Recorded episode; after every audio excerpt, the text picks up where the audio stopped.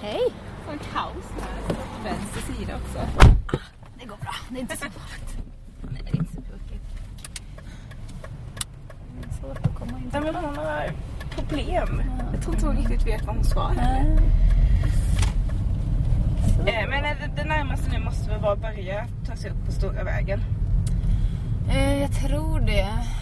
Ja, vi gör det. Det borde väl vara bäst. Mm. Det är mot Vi har ju massa ju- Kungälv. Ja. Ja.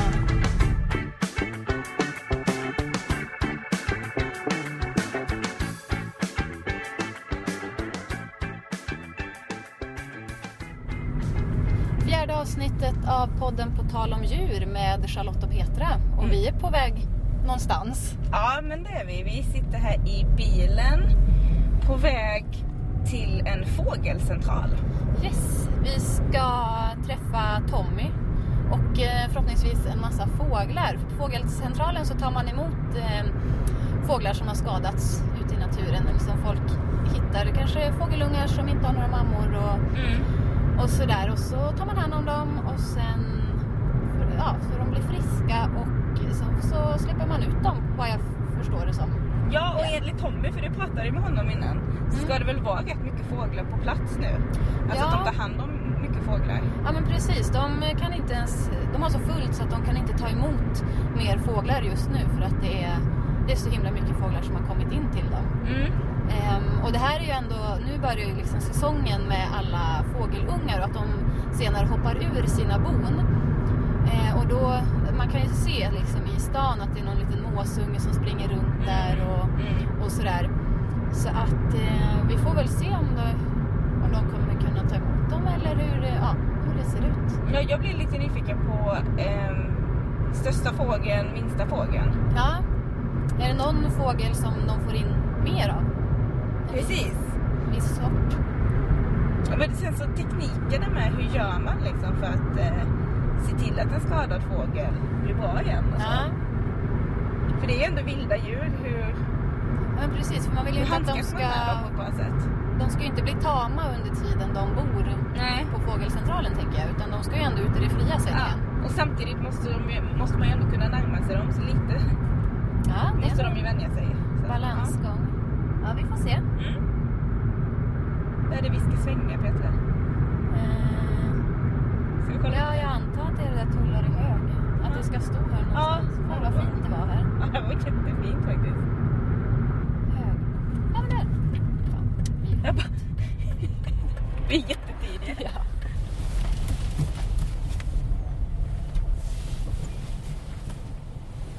Så du Tage. Nu är vi framme.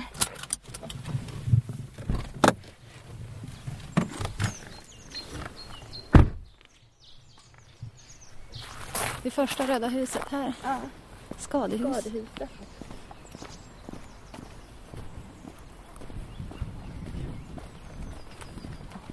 Det sitter någon där inne.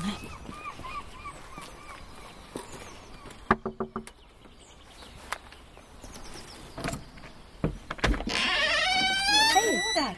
Vi ska träffa Tommy. Han är, inte... ja, han, är, han är här inne. Kom in, kom in. Det är bra. Hej då. Hejsan. Hejsan. Jag förstår att det är i podden. Ja, precis. Hej. Hej Charlotte. Tommy. Hej Petra. Ja. Det här är Lovisa. Lovisa. Ja, Hej Charlotte. jag går snart till sommar. Jaha, Det kul. är på schema. Mm. Det är ditt sommarjobb. Jajamän. Men gud vad spännande. Har du varit här förut? Ja, jag har volonterat här sedan jag var typ åtta. Jaha. Så har du vuxit upp här kan man nästan säga. Fågelcentralen Tommy. Vad är det bästa med att vara här tycker du? Jag tycker ju det är så himla fräckt att se så många. Han är ju en öppen lärobok. Han bara går ut och lär ut hur mycket som helst. Så det är att man lär sig så himla mycket. Jag är just nu känd som fågelnörden hemma. Eh, Och du har fåglar här inne också? Är det det finns fåglar i alla, alla rum här och där. Mm. Jag sitter på trastungar. Det är ju precis den tiden nu när de första fågelungarna hoppar ut. Så det är det folk ringer om. Och trastar är bland de första som lämnar bona ihop med eh, ring, ja, duvor, ringduvor, tamduvor och kattugglor. Det är tidiga arter i våra trakter. Men de här är vi inte så glada åt. Det är alltså björktrastar sitter där borta. Det kunde varit koltrastar också. Men de är sådana att de hoppar ut innan de kan flyga. Och det ska de göra. Så när folk ser sådana på backen så tar de upp dem och tror de har ramlat ut eller att det har hänt något. Och så ringer de och vill vi ska ta hand om dem. Och de allra flesta lyckas vi få dem att sätta tillbaks men en del kommer hit bara med dem och så sitter de här och vet inte var de är hittade och så, så blir det så. Eller katt bär hem dem och så. Vad tycker du man ska göra då? Så när man hittar en eh, sån här liten fågelunge? Den ska vara kvar. Man ska bara låta den vara? Alla trastar eh, hoppar ut ur bona innan de kan flyga. Då springer de på marken några dagar. Och tar man dem så är det en kidnappning av barnen. Mm. Men, men de som ändå sitter här nu, hur, vad, vad är det bästa ni, att göra för dem nu när det... Ja, då får vi tvångsmata dem. Och sen får vi se att de lär sig äta själva. Och sen får de ut i, i träningsburar och lära sig flyga och plocka mat. Men det är ändå inte lika ska säga, bra fåglar som om de hade bl- blivit uppfödda av föräldrar. För föräldrarna är vana när det är hot och sånt där. Det är inte säkert de här lär sig lika bra. Va? Om det kommer en sparvök så kanske de bara sitter kvar och så blir de tagna. Den risken finns. Så att det är alltid bättre att föräldrarna får föda upp dem och ge dem rätt mat och så vidare. Så här tar vi emot fåglarna när de kommer. Så här skrivs de in. Vi har en, eh, en perm här där varje individ får en journal. Och hittills i år har vi fått lite över 200 fåglar. Men det är nu det börjar i större antal från eh, in i maj och så framåt. Maj, juni och juli är de stora månaderna. Men är 200 är det mycket för att vara, eller är det normalt? Det är väl normalt för, denna, för de här månaderna kan vi säga. Ja.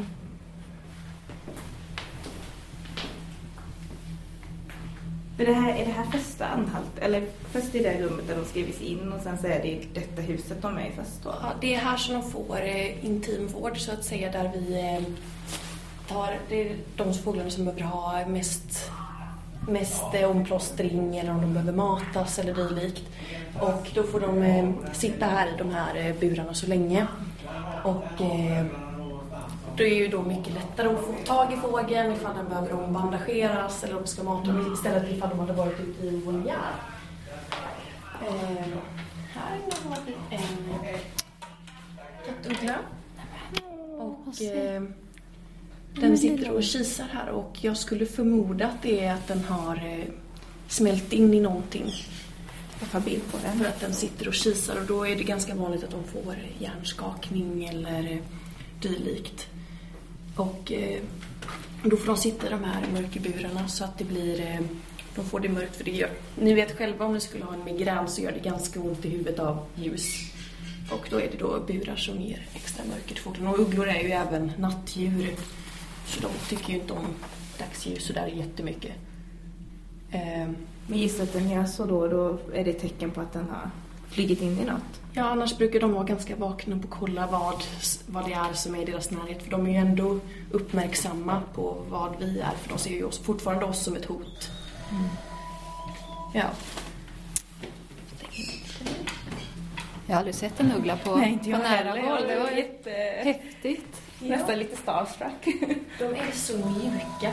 Det är, det är inte klokt. Ja. Men var den vuxen den? Den var fullvuxen. Ja, de är så små. Mm. Ja, det, det är ju just en kattuggla. Mm. Eh, berguvar blir ju till eh, den här storleken. Ja. Det är en trut som flaxar runt där inne. Ja. I buren bredvid. ja. Eh, ja, Herregud vilken stor mos. det är en trut. Är det här en trut? En havstrut. Oh, oj. Eh, den är förlamad i benen, vilket också kan ske om de får en smäll mot huvudet. Påkörd, flugit in i någonting dylikt. Och då är det bara att vänta och se ifall benen kommer igång efter ett tag efter att den själv läker. Men det är inte alltid att det gör det. Så de behöver också ha ganska stort utrymme och det kan bli skador på knäna och sånt för att, för att de inte använder benen så att säga. Ja. Jättestor. Men det kan då vara att det bara självläker? Får... Ja, ibland så Ja. går det väl. Så det är bara att hoppas egentligen. Det är, finns så mycket som kan hända med fåglar så det är så svårt att säga vad det är för fel på den. Så det är inte alltid man, att det blir rätt behandling. Och det mesta är egentligen att bara bandagera och vänta Mm. och hoppas. Mm. Mm. Mm. Vi en eh, kopp. Kan öppna lite försiktigt. Och där gör du. Otroligt kloka fåglar Så är att de. den såg först inte. Jättefin. Mhm. Vad har, ja, vad har hänt med? Eh, det vet jag faktiskt. Jag har inte kollat journalen. Nej. Jag, jag kom precis hit. Ja, precis. ja. Jag slog vad om att Tommy skulle kunna rätt berätta mer. stor, korpen. Korpar är väldigt stora. Mm. Och tro mig, blir de arga på dig, de bits. Har du blivit biten av många korpar? Inte så mycket av korpar. Jag har haft svetshandskar när jag hanterar korpar. Jag, däremot måsar och trutar, de brukar jag hantera utan handskar och de är också ganska taskiga. De liksom nyper och vrider.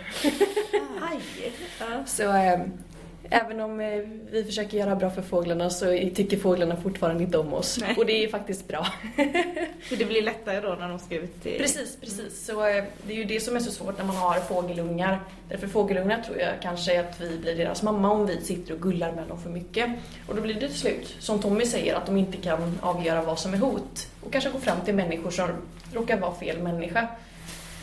Så eh, man, måste man får inte hålla på för mycket med fåglarna. Men vad, vad är det för olika sorters mat de får? Eh, sjöfåglar brukar få klippt fisk. Och eh, den där brukar vi få eh, donerat till oss och eh, i stora frusna block. Så vi eh, lägger det i vattenbad och klipper upp till måsarna. Eller slänger hela ifall de är friska ute i bassängvoljären.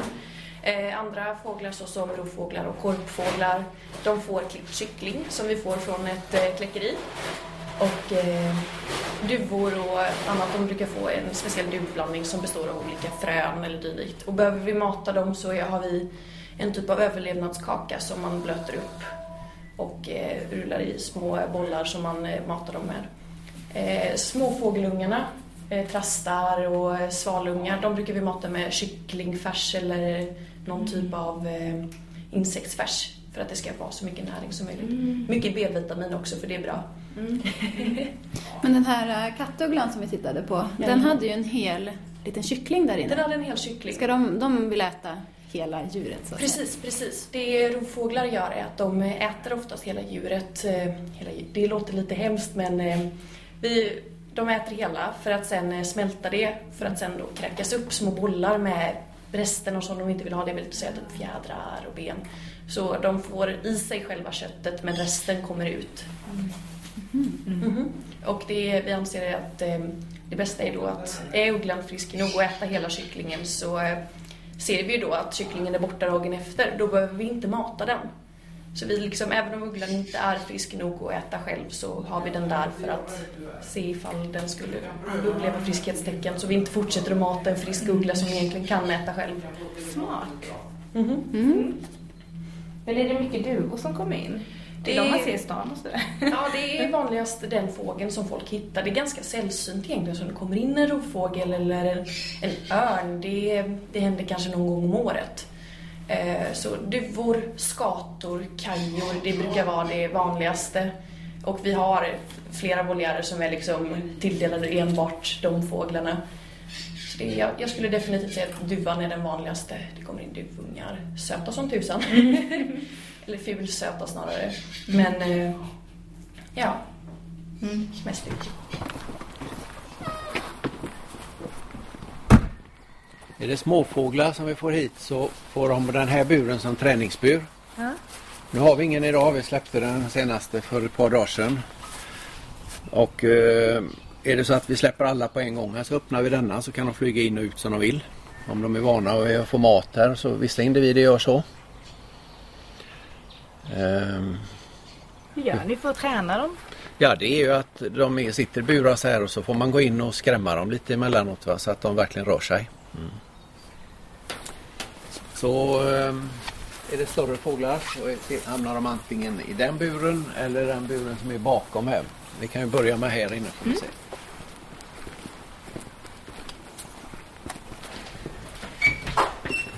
På denna sidan har vi nät utåt.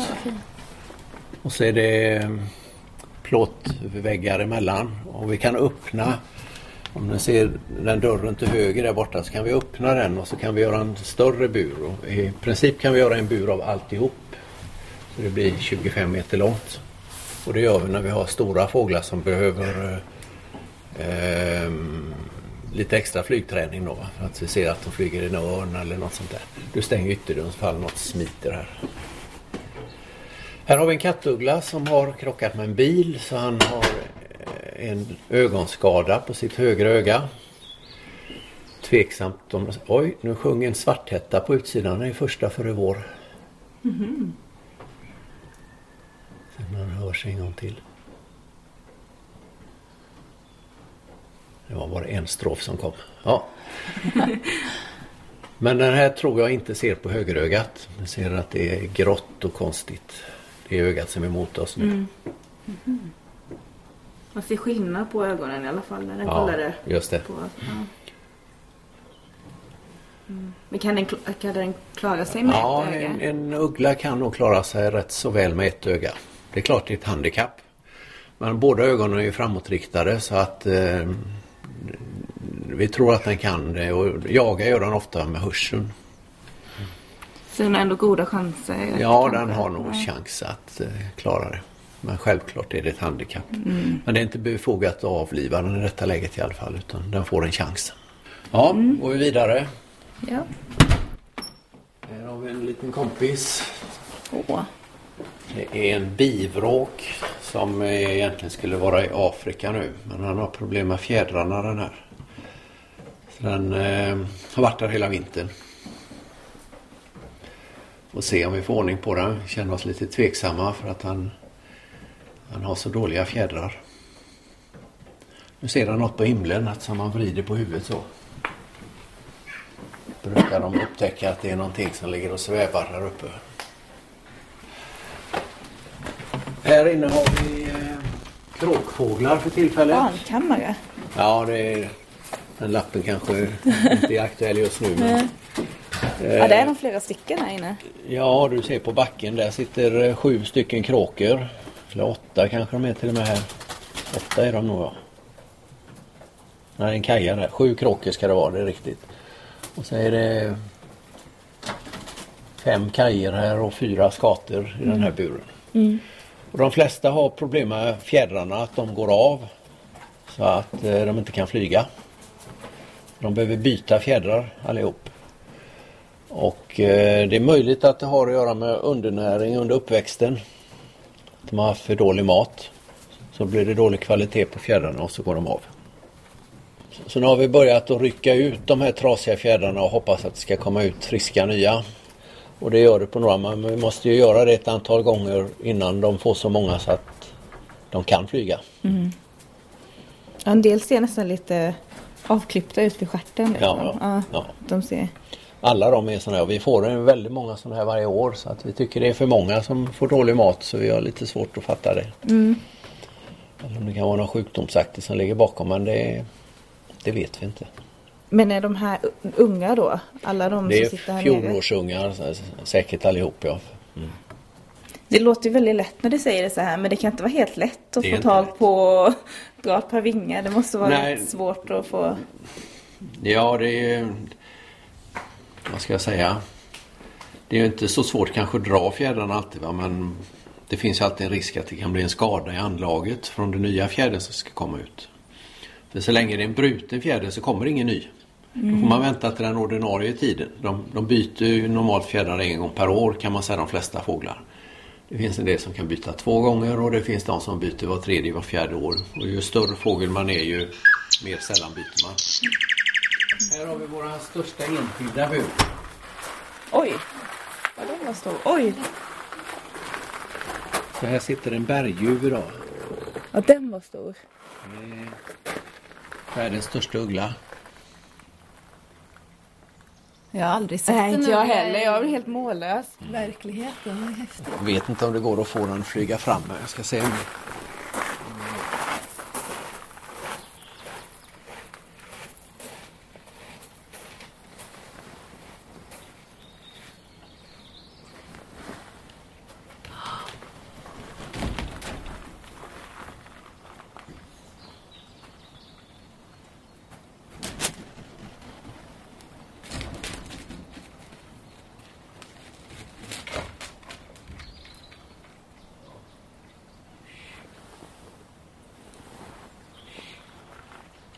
Alltså den är helt fantastisk. Jag förstår varför du gillar alla fåglarna.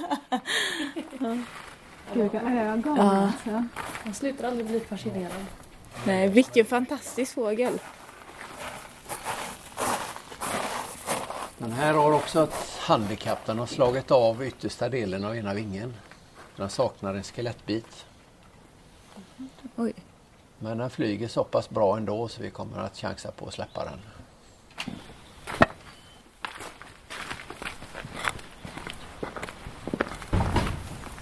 Åh, då har vi sett vad vi har. Ja, helt fantastiskt. Mm.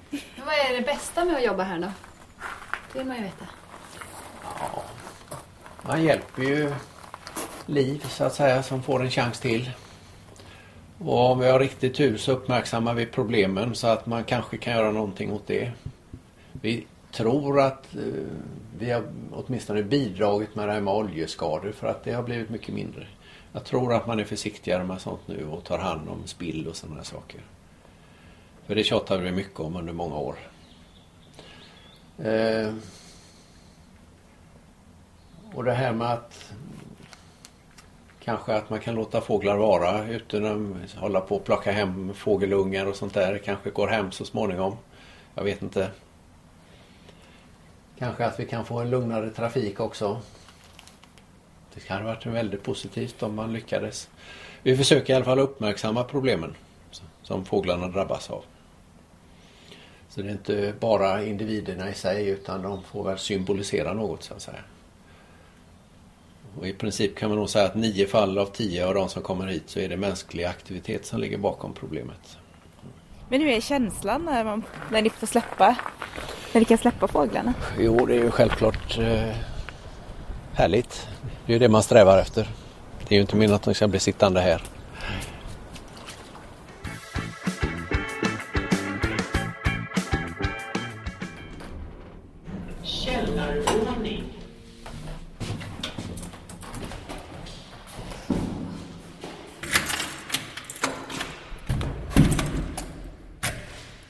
Vi hittat tillbaks till våran studio. Ja, precis. Alltså vi kanske ska klargöra vissa grejer från vår lilla utflykt. Mm. I början så säger vi någonting om Tage. Ja, vem är Tage kan man ju undra. Ja, det är ju himla självklart för oss. Men så kom vi på att det kanske inte är det för alla. Tage är ju bilen. Precis. Eh, och Tage är våran kompis. bil. Eh, och han har liksom alltid hetat Tage. Och när vi får låna honom, ja men det är klart att det blir ju. Det blir du, jag och Tage helt enkelt. Precis, man eh, pratar lite om honom som en person. Mm, mm. Till exempel på vägen upp till Kungälv så var ju Tage tvungen att få lite frukost och Mm. då tankade vi honom lite och sådär. Precis. Så det är en grej vi kan klargöra. Men Ja. annars Petra, några reflektioner så här från Fågelcentralen? Eh, ja, eh, alltså det var ju... Eh, Tommy satt ju på väldigt mycket information om alla fåglar verkligen. Och det var väldigt intressant att bara gå runt där och, och få se ugglor Mm. i, på riktigt. Jag har aldrig gjort det. Eh, så det, ja, det var ju väldigt häftigt tycker jag. Mm. Och han kunde ju så otroligt mycket när han bara Åh det hörde ni, det var den fågeln. Ja, Och eh, ja, Lovisa var ju inte sämre, hon kunde också verkligen hur mycket som helst. Alltså en reflektion från min egen sida nu när jag hört det är lite att vi låter ju inte jättesmarta du och jag. Nej, vi kan ingenting. Det är verkligen sådär, jaha, mm, oh, vad stor, Ja. ja, vad liten. Ja.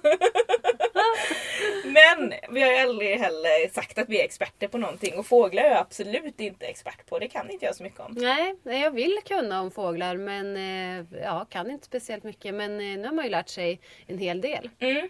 Eh, och en intressant fågel som vi fick se som inte kom med efter klippningen här för att eh, ja, det kom så mycket mobilstörningsljud så att det, det höll inte riktigt. Men eh, det var ju en fågel som hette Amanda. Mm. Det var den enda fågeln där som hade ett namn. Ja, Eh, det fanns ju hon- en anledning till det också för att de andra ska ju därifrån på ett Ja. eller annat sätt. Men Amanda var liksom mer eh, boende där skulle man väl kunna säga. Ja, hon var ju en hybrid. Hon såg ut som en, en falk, tror jag. Skulle jag Ja, säga. så det var väl Rovfågel. ja, en rovfågelhybrid. Ja, Ja. att hon var en korsning mellan två olika eh, fåglar. Vilket Som gör- människor ligger bakom helt och Ja, hållet. för att man använder dem i jakt. Så man försöker korsa för att få fram den bästa eh, jaktfågeln. Och jag visste inte att det fanns överhuvudtaget att man kunde göra så. Eh, att man jagade med fåglar. Eh, men det här gör ju också att hon kan ju inte släppas ut Nej. bland fåglarna som vi har här i Sverige för att det, man vet ju inte vad som ska hända om hon parar sig med andra och ja. Hon var Sådär. ju, som Tommy sa, ett polisärende förr då. Mm. Eh, Men eh, nu står det liksom still och då, Ja. ja. hon hamnade hos dem och de kan inte släppa ut henne och de kan inte, ja då får hon bo där helt Mm. enkelt. Var otroligt vacker. Men hon. också så här tragiskt att återigen är det vi människor som gör saker som drabbar djuren. Ja precis. Eh, och det är ju inte lagligt att hålla på och korsa fåglar på det sättet. Nej, inte i Sverige i alla fall. Och det var därför det, eh, ja, Amandas öde blev som det blev helt Mm. enkelt. Ja, men hon var väldigt fin. Mm. Verkligen jättefin. Annars var ju berguven en favorit för mig Ja, också. För det gud, var ju så stor. stor. Ja. Och så här stora röda ögon. Mm, Verkligen klarröda. mm. Och Tommy fick ju den att flyga och då såg man ju bara wow. Mm. så det var ju verkligen. Ni får kolla på vårt Instagramkonto. På tal om djur eh, så kommer det upp en eh, film där. När man ser den här berguven flyga.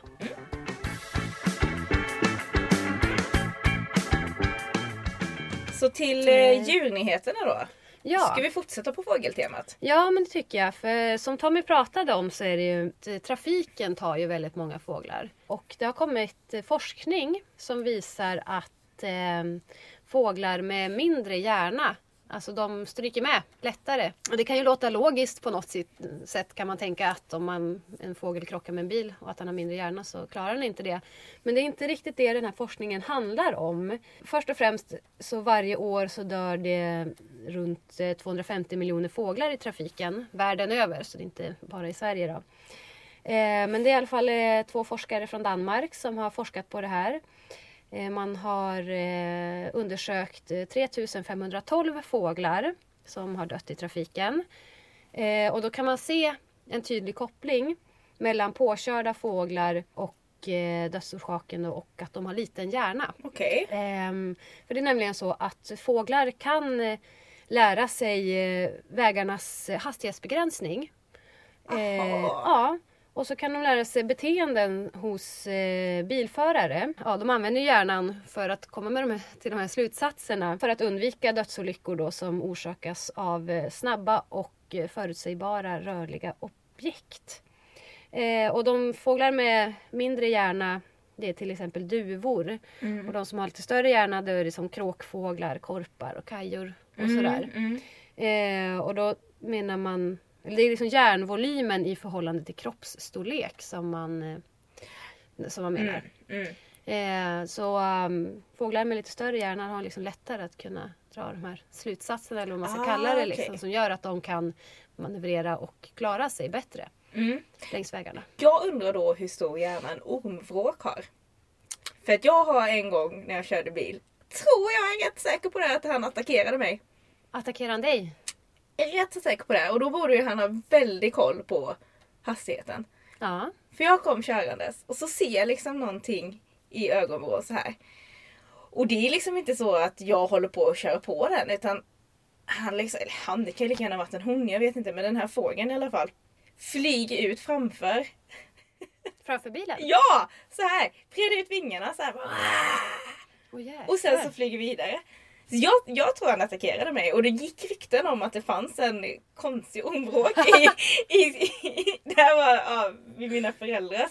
Att eh, folk som varit ute och sprungit och sånt också på liksom bara fått en sån här smäll i huvudet. Och då, ja, så jag tror det var den här fågeln som hade fått sig någon knäpp. Det är alltså. känd Ja. ormvråk alltså. Ja, ja, ja. Så då tänker jag att du borde ju ha rätt utvecklad hjärna då som kan Ja. se liksom att ja, men här hinner jag fram och skrämma henne. Ah, så. Mm. Ja, det är mycket möjligt. Jag vet. Ja, det har jag inte koll på. Nej, inte jag heller men det var lite traumatiskt. Det var det. Ja, det låter lite läskigt. Mm. Ska vi gå vidare till nästa nyhet? Ja, Som är av en helt annan karaktär. Eh, Och jag tänkte lite på dig när vi läste om den eh, Petra och på ditt, eh, andra yrke jag på att säga. Nej men ditt jobb. Det gör när jag inte pod- håller på med Ja, podden. inte sitter här och poddar. eh, för det handlar nämligen om eh, Lex Maja. Alltså om... Eh, det handlar om att skydda djur. Eh, vars ägare kanske blir sjuk eller sådär. Och eh, åker in på sjukhus. För att eh, sjukvårdspersonal och ja, till exempel hemtjänstpersonal och så har ju total sekretess. Jag får klargöra det att jag jobbar ju på hemtjänsten. Precis, det är därför jag tänkte på Petra. Eh, så att ehm, då var det ju den här, just att heter Lex Maja, var det en, en katt som hette Maja. Och när ägaren till katten då åkte in på sjukhus så fick ju inte personalen berätta för någon att det finns en katt här som liksom behöver hjälp. Och när den här katten väl eh, hittades då så var det för sent för att rädda den. Och det här eh, tyckte man inte var bra. Och det tycker inte jag heller lät så Nej. jättebra. Så nu har faktiskt riksdagen beslutat om att eh, nej, det, vi ska ändra på detta så att eh, hemtjänstpersonal får då, eller det är ju annan form av sjukvårdspersonal också men man, det, man bryter inte mot sekretessen om man uppkallar någon annan myndighet och säger att nej men eh, det finns ett djur nu som är kvar ensam i det här boendet. Ja, man har lättat på sekretessen. Mm. För det är ju eh, sån himla strikt eller sträng sekretess kring eh, ja, vårdpersonal. Mm. Vad man får säga och inte göra. Och det är i princip ingenting man får säga och göra. Eh, och eh, som hemtjänstpersonal så kan man inte, man får inte gå hem till någon som inte är hemma. Alltså man får inte vara hemma hos någon som inte är hemma. Vilket gör att man kan inte gå in och Ta hand om djuret. Nej, alltså man får inte vara där. Nej. För liksom, det är deras hem. Jag ska inte vara där när du inte är där. Mm. Ehm, och det är såklart att det blir ju jättedumt i sådana här situationer. Mm. Det ska ju inte en eh, stackars katt behöva lida för. Nej och inte ägaren heller då som Nej. är sjuk. Eh, Vill ju inte att det ska bli konsekvensen att ens djur potentiellt dör bara för att du själv blir sjuk. Precis. Glad nyhet tycker jag. Ja, för alla djur. Mycket bra. Mycket bra. Mm.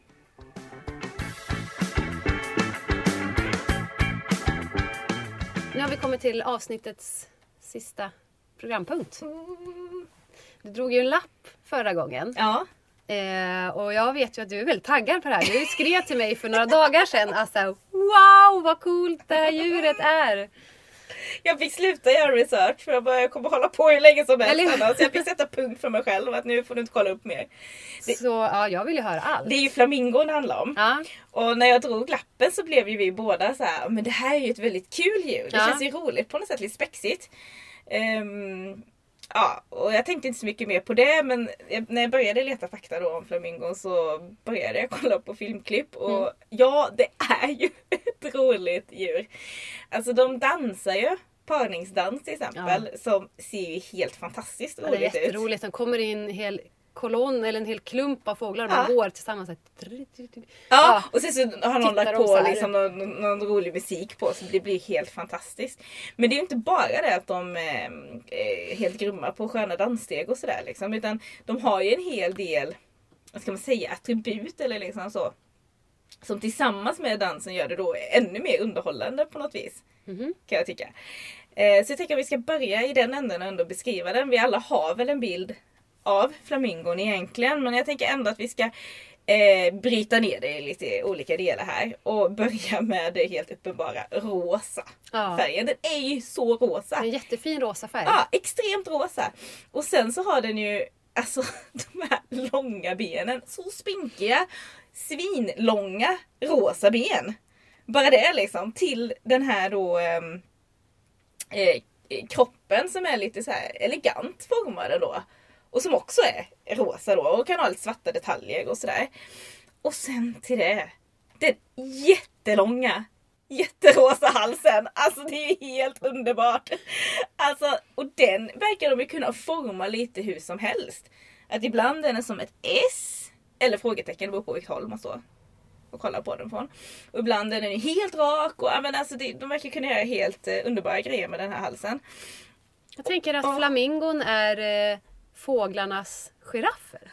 Ja, Eller i och för sig Ja, kanske men- strutsen är det ja, också. ja, men det Men jag ja. tänkte, ja skitsamma jag tänkte på Men- en giraff i alla fall. Men det var, när jag studerade det här lite mer alltså nära också så slår jag, slår, äh, slås, jag blir så exalterad så jag, orden bara... Nej men då slås jag ju också av hur eh, mjukt allting, liksom på ett rätt elegant sätt hur allting smälter ihop. Från kroppen då till den här halsen och sen till huvudet och sen så kommer ju den här fantastiska näbben också. Som inte bara är svart, för det är lite coolt i sig, svart och rosa, snyggt ihop. Eh, utan den är ju böjd neråt också. Mm. Är inte den ganska stor också? Näbben? Ja, jo, jag har inte mätt sådär i procentuellt hur stort det, stor den är. Men jo, jag tycker den ser rätt stor ut. Och eh, den, eh, den inte bara ser rätt cool ut utan den har också så här, eh, en väldigt cool funktion. Alltså för, med hjälp av den här näbben då så kan den dricka, kan- flamingosen dricka saltvatten. För att den är liksom som en sil på något sätt.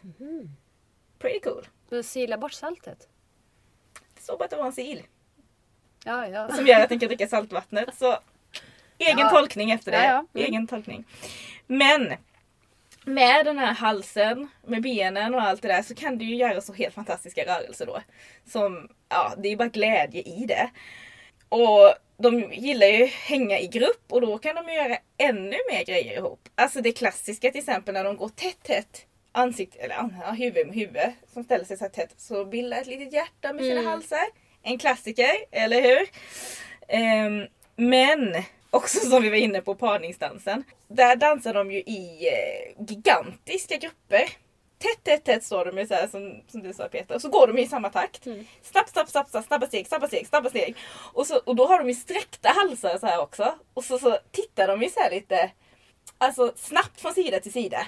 Medan Ja, de det är dansar så. intensiv spaning. Så Ja. här, Var är min partner? Ja, min partner, min partner, min partner. Jättesträckt hals.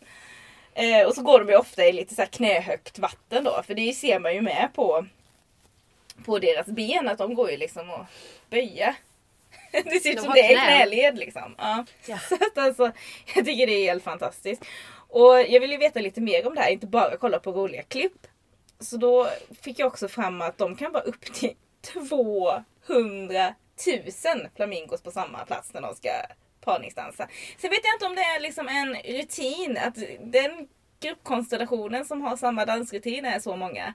Men de kan liksom samlas upp till så många på samma plats. Oj, Det är som ett sjukt många. rosa fält bara av eh, flamingos. Alltså, ja, och om den här eh, parningsdansen då lyckas så lägger då honan sen ett eller kanske två ägg. Det är det som blir resultatet av en lyckad parningsdans. Eh, men det finns olika typer av flamingos. Men alla, det de har gemensamt är ju, de gör den här parningsdansen. Det spelar ingen roll vilken typ av eh, flamingo det är. Det finns tre olika släkten och sex olika arter. Eh, jag har inte skrivit ner vad de heter för det var konstiga namn. Så jag tänkte att det räcker. jag, jag brukar ju snubbla på de här namnen så jag tänkte nu hoppar jag det. Ni får bara nöja er med att det finns sex. Man får googla sex själv. olika, mm, eh, sex olika arter. Men de finns lite överallt i världen, de här sex olika arterna. De finns i Afrika, sydvästra och centrala Asien, Sydeuropa och i Syd och Centralamerika. Så de är rätt bra utspridda ändå, de olika typerna. Och då kommer vi till färgen, Mm. rosa. En del är ju nästan chockrosa, andra är lite sådär blekrosa. Hur kommer det sig då? Ja, hur? Mm. Nej, alltså egentligen så är inte flamingon ens rosa. De blir ju det på grund av vad de äter för någonting. Aha. Mm. Vad äter de då? Det var också ett svårt ord, men de äter ju grejer i vattnet. Det är väl, alltså, det, är väl små djur och räkaktiga grejer de Ah. äter. Och i det här som de äter så får de i sig ett ämne som när det bryts ner eh, så blir det det här pigmentet då. Och det är därför en del flamingos är lite ljusrosa och andra mörkrosa och sådär. Och när de är barn, då är de gråaktiga. Så skulle de få en helt annan diet så skulle de fortsätta vara gråaktiga hela livet. Ah. Inte lika kul. Nej, Så det är bra att man de vill ju äter att det de de ska vara äter. rosa. Mm. Sen så, det finns sex arter men jag tänkte ändå gå in lite på eh, storlek och sådär. Så den större flamingon den är den största. Och den kan då bli runt 120-150 cm höga. Och av de här så är då 40-50 cm ben. Alltså, är Fatta vilka jätteben de har! Det är inte konstigt att de är helt klockrena de här djuren alltså.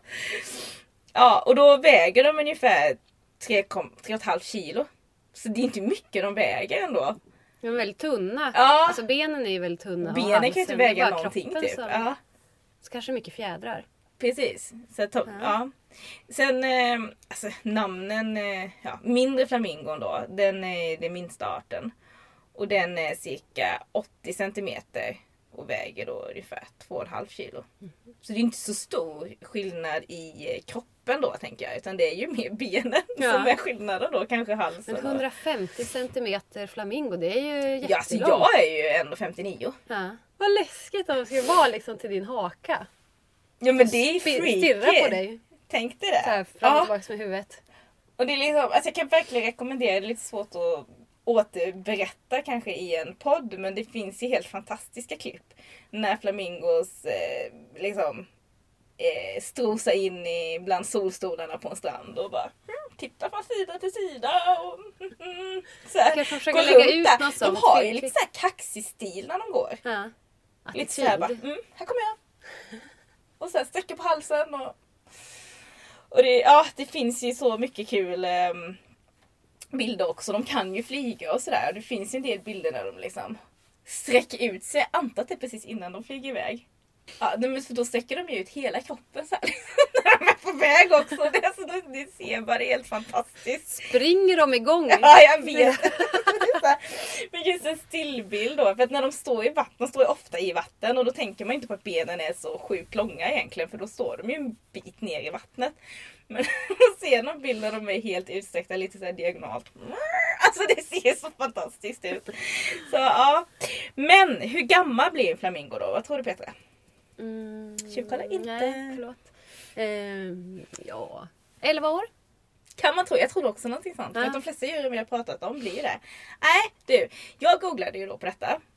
Eh, och fick upp en TT-artikel som DN hade skrivit om för 2014. Mhm. Och då handlar det om att världens äldsta flamingo då hade dött. Hur gammal var han då? Han var 83 år gammal! 83 år gammal! Den här flamingon hette Greater och kom till djurparken i Adelaide 1933. Och den här artikeln var på 2014. Så att alltså. Sen är ju inte det här i vilt tillstånd så blir de ju inte så gamla. Ändå. De blir, 83. alltså, ja, de blir alltså ungefär 25 år då kanske. 30 år läste jag på något ställe. Ja. Oj, men då har ju den levt eh, ja, hur länge som helst i jämförelse. Och då, ja, Det är som absolut. att vi skulle bli 150 år. För jag tänkte med då, finns det då vissa förutsättningar liksom? vi skulle kunna procentuellt bli lika gamla bara vi fick bo i fångenskap. Ja, precis. Alltså det är helt Folk i fängelse blir äldre Ja. än... Och det, jag tror det stod någonting om i den här artikeln då, att han hade haft en eh, Greater då som blev 83 var en eh, så större flamingo. Mm. Han hade bott ihop med någon annan art eh, som var 60 då. Jaha. Så att, ja.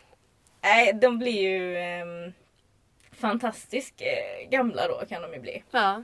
ja, verkligen. Det är Mm. som en människa. Nej, men 1933. Ja, nej men det var väl det jag hittade, eller hittade om flamingon. Det, det går ju att kolla upp hur mycket som helst men som sagt jag kände att nej, jag får sätta stopp någonstans. Men ehm, ja, in och googla alltså. Det är ju helt fantastiska djur. Vi får försöka lägga ut en, eh, en film på deras parningsdans på vår Facebook-sida. Ja men vad säger du? Alltså, ja, idag är det då mitt i veckan i och för sig men det är ju snart långhelg. Ska vi ge oss ut på krogen Peter och testa den dansen? Se vad som händer. Gå 30 och titta runt omkring. Med distinkta rörelser Ja. från sida till sida. Sträckt hals. Ja, absolut. vad, vad har vi förlorat liksom? Det kanske funkar, vem Ja. vet? Nej men eh, I'm up for it. Jaha. Från det till nästa djur då. Till nästa veckas, eh, eller nästa avsnitts Mm. djur. Då är det din tur Petra, vad hoppas du på? Mm, ja. Jag vet inte. Vi ska se Mm. vad det blir. Tasmansk djävul. Eller djävul. Ah! Mm, mm, mm. Jag vet, jag har hört hur de låter någon gång. Alltså, Ja, jag kan inte härma det, det var därför jag började skratta. Men det är typ det jag vet om den. Att den lever på Tasmanien och låter jävligt eh, speciellt. Mm, jag kanske får ta med ett, eh, ett ljudexempel Mm. nästa gång. Så vi får höra det. Nej men det här blir ju superspännande. Vet du någonting själv om den? Ingenting mer än att det finns en tecknad tasmansk jävel som eh, jagar något, någon fågel. I något, ja, man kollar på Cartoon Network när man var liten så var det alltid. Ah, okej, ja. Nej, så jag vet inte så mycket alls. Nej. Men ja, det ska jag ta reda på. Massa grejer om den här tasmanska djävulen. Om du kan så tycker jag det är lite roligare om du lär dig imitera hur den låter än att ta med dig ett ljudklipp. Ah, Okej, du tycker att jag ska sitta hemma i min ensamhet och öva. Ja, det hade jag tyckt Mm. var kul. Vi får se. Vi får se. Jag, ska inte, jag kommer inte lova detta, men vi- ja, vi får se. Om ni håller med mig om det eller vill eh, säga någonting annat, eh, ställa någon fråga, vill ni, ni vill ha reda på någonting om något djur eller ja, bara uppmärksamma att ni faktiskt lyssnar på så kan man ju höra av oss till sig. Höra av sig till oss. Ja, det går jättebra. Vi har ju både Instagramkonto, på tal om djur. Facebook, samma sak, på tal om djur. Och en e-postadress på tal, nej, pa tal om djur eh, snabelaoutlook.com. Precis. Så hör jättegärna av er. Mm. Så hörs vi.